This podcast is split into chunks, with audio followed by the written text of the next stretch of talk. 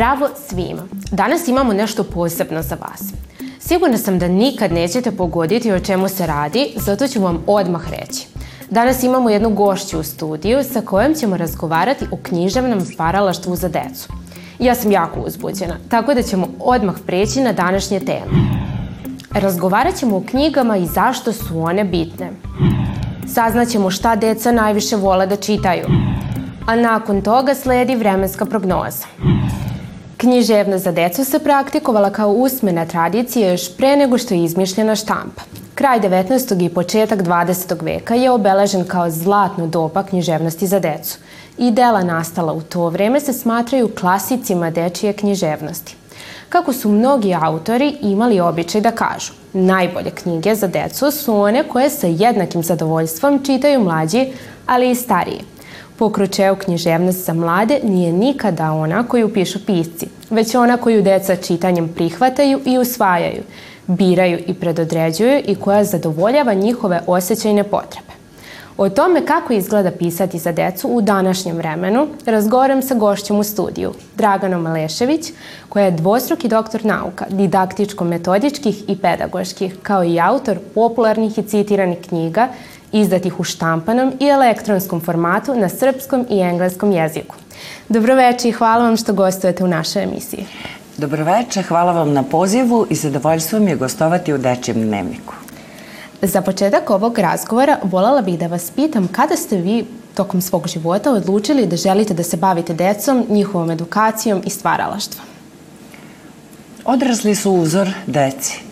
U mojoj familiji mnogo je bilo učitelja ja sam se divila njima na koji način rade sa decom.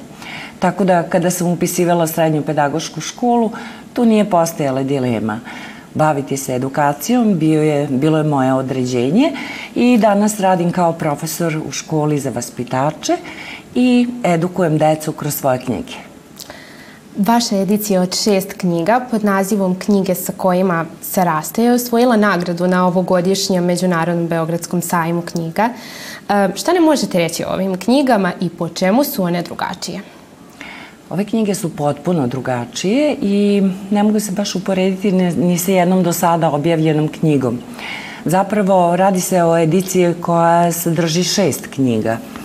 To su knjiga Biljke, koja je kada decu zanima da saznaju nešto više o biljkama, životinje naših krajeva, oblici i brojevi, Zatim knjiga Otkrivamo čudesni svet sa mnogo eksperimenata za istraživače. Knjiga Šta sve može moje tijelo koja sadrži anatomiju, ali isto tako i sportove, e, muzičku umetnost e, i likovnu umetnost i životinje dalekih krajeva. Ono što je specifičnost e, savremene pedagogije, ono što nas uči savremena pedagogija, da zapravo ne možemo detetu odrediti knjigu prema uzrastu, nego zapravo knjigu detetu određujemo prema njegovom interesovanju. A, e, specifičnost prva ove knjiga je da ove knjige deca mogu koristiti više godina i da su napisane na tri nivoa težine – Dakle, dete se sa ovom knjigom razvija i knjiga zadovoljava njegove interesovanja da ona napreduje i više od svog uzrasta.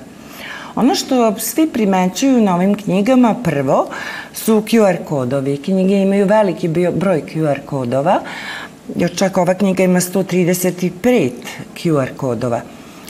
Plavi QR kodovi u knjigama su zvuci, a crni su video. Tako da e, su ovo zapravo multimedijalne knjige. A da li ste primetili da su te multimedijalne knjige omogućile deci da lakše shvate sadržaj u kom se priča? Kako da ne? A, kada otvorimo bilo koju ovu knjigu, onda je možemo posmatrati kao tradicionalnu knjigu. A uz pomoć mobilnog telefona i tableta, kada deca očitaju ove knjige, knjiga oživi i odjednom oni uživo posmatraju kako izgleda, na primjer, ovaj kengur ili ovaj koala. Dakle, njihova, njihove predstave su mnogo, mnogo jasnije. Ono što je bio moj cilj i što je jako važno da deca shvate da mobilni telefoni i tableti ne služe isključivo za komunikaciju iz igrice. Mobilni telefoni i tableti služe za učenje. Važno je reći da svaki ovaj uh, video zapis ili svaki zvučni zapis vodi dete isključivo na sajt Provensa, gde dete ne luta po internetu i da je ono u jednom zatvorenom, bezbednom okruženju. Mo, pošto ovaj, ovo stvarno zvuči sjajno, mislim da bi bilo dobro da i našim gledalcima demonstriramo kako izgleda u stvari učitati jedan QR kod. Vrlo jednostavno i QR kodovi mogu da se očitaju na više načina. Ja ih najčešće očitavam ovde upravo preko ove aplikacije za fotografisanje. Imamo malu ikonicu za očitavanje, skeniranje. Samo je dovoljno da se prisloni na QR kod, otvorit će se link, stisnemo link i možemo da pogledamo uživo, konkretno ovde, kako kengur skače potpuno jedno drugačiji e, način učenja. Ono što su važni i ti zvučni zapisi e, i e, a evo da poslušamo na primjer zvuk nekog instrumenta, evo na primjer violine. Sjajno. Dakle, tradicionalna knjiga bi sastojala se samo od fotografije i teksta. A multimedijalna nam daje zvuke. E, kako bismo još više istražili ovu temu književnosti za decu, kako to danas treba ili može da izgleda, mi smo i pitali đake trećeg razreda osnovne škole šta oni vole da čitaju i kakve knjige ih zanimaju, tako da ako se slažete sada ćemo pogledati i taj prilog. Baš me zanima šta su rekli. Ja u toku dana čitam dva sata. Omiljene su mi što sam čitala Isidoru Moon. E, čitala sam Manu iz Green Gable-a. E, čitala sam... Pa čitala sam dosta toga, sada čitam e, Pet prijatelja. Najviše me zanimaju knjige kao, e, na primer, ovaj, e, Tandajčak, e, e, ovaj, e, e, Baka Gansta i tako nešto. Heidi. E, Agi Ema. Isidora Moon. Volim nekad da čitam horor knjige, um, pa eto, mislim, omiljene knjige su mi Harry Potter. Uh, omiljena knjiga mi je Dogman. Uh, to nije baš kao knjiga, ali neki strip. Pa provodim sat vremena na dan čitajući knjige.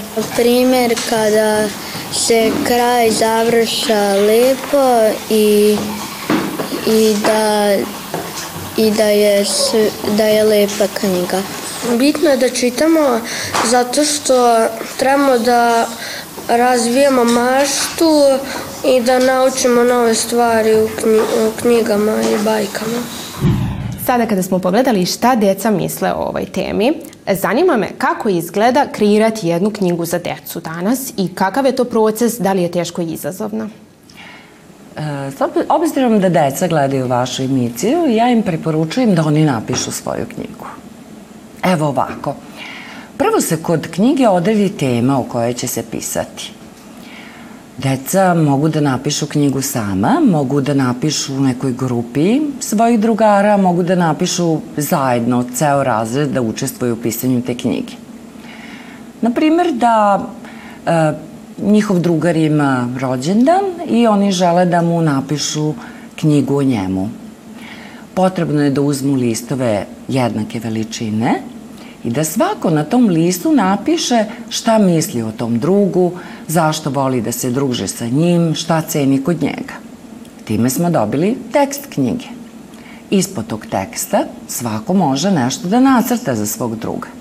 Dobili smo ilustraciju za knjigu. I na taj način dobili smo ovaj središnji deo knjige, a svaka knjiga ima i korice. Sada ćemo odlučiti, uzet ćemo neki karton i napravit ćemo korice. Na korice možemo da lepimo fotografije, možemo da lepimo naše crteže i naravno napisat ćemo naslov knjige. Zatim ćemo bušačem za rupe izbušiti dve rupe, staviti mašnu i dobiti svoju prvu knjigu. Ja verujem da su to početci i da je to prva njihova knjiga, da među njima će biti sjajnih pisaca. Ja mislim da je ovo sjajna ideja i svakako ovo je možda dobra ideja nekim od naših gledalaca da um, iskoriste prilikom kreiranja nekog novogodišnjeg poklona, na primjer, mm, pa da poklone nekom tu knjigu. Um, da li biste imali nešto da poručite našim gledalacima, da im date neki savet kako mogu lakše da uče ili da se bolje snađu pri izboru onoga što žele i što bi trebalo da čitaju? Čitanje je prvo vrlo važno i da je, važno je da deca čitaju. O, najbolje je kada pročitaju nekoliko stranica pre spavanja i da im to postane jedna navika. A šta da čitaju? Treba da čitaju sve što ih zanima. Da li su to stripovi, pesme, bajke, priče. Znači, važno je samo da čitaju. Mogu i dobiti preporuku šta da čitaju od svog bibliotekara, jer e, čitanje je osnova učenja, a kada deca uče, a, veoma je važno da ne pamte samo, nego da rasuđuju, da razmišljaju o tome što uče i da svaki put razmišljaju da li mogu nešto da urade na neki novi način i drugačije. Hvala vam još jednom što ste bili naša gošća i uh, nadam se da će ovaj razgovor inspirisati nekoga i dati mu ideju i svakako podstaći naše gledalce da čitaju različite knjige. Hvala vama na pozivu, zaista mi je bilo zadovoljstvo gostovati u Dečijem dnevniku. Kucno je čas za vremensku prognozu. Vreme je naravno neizostavna tema svake naše emisije, a ove nedelje nam Tara Petrović vedri i oblači. Hajde zajedno da pogledamo kakvo nas vreme očekuje sutra.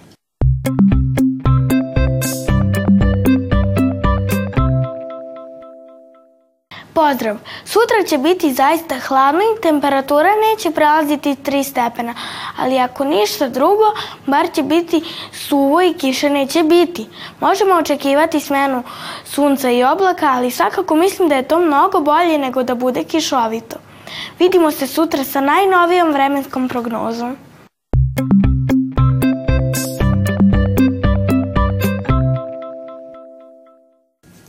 Došli smo do kraja ove emisije posvećene književnosti i ljubavi prema knjigama.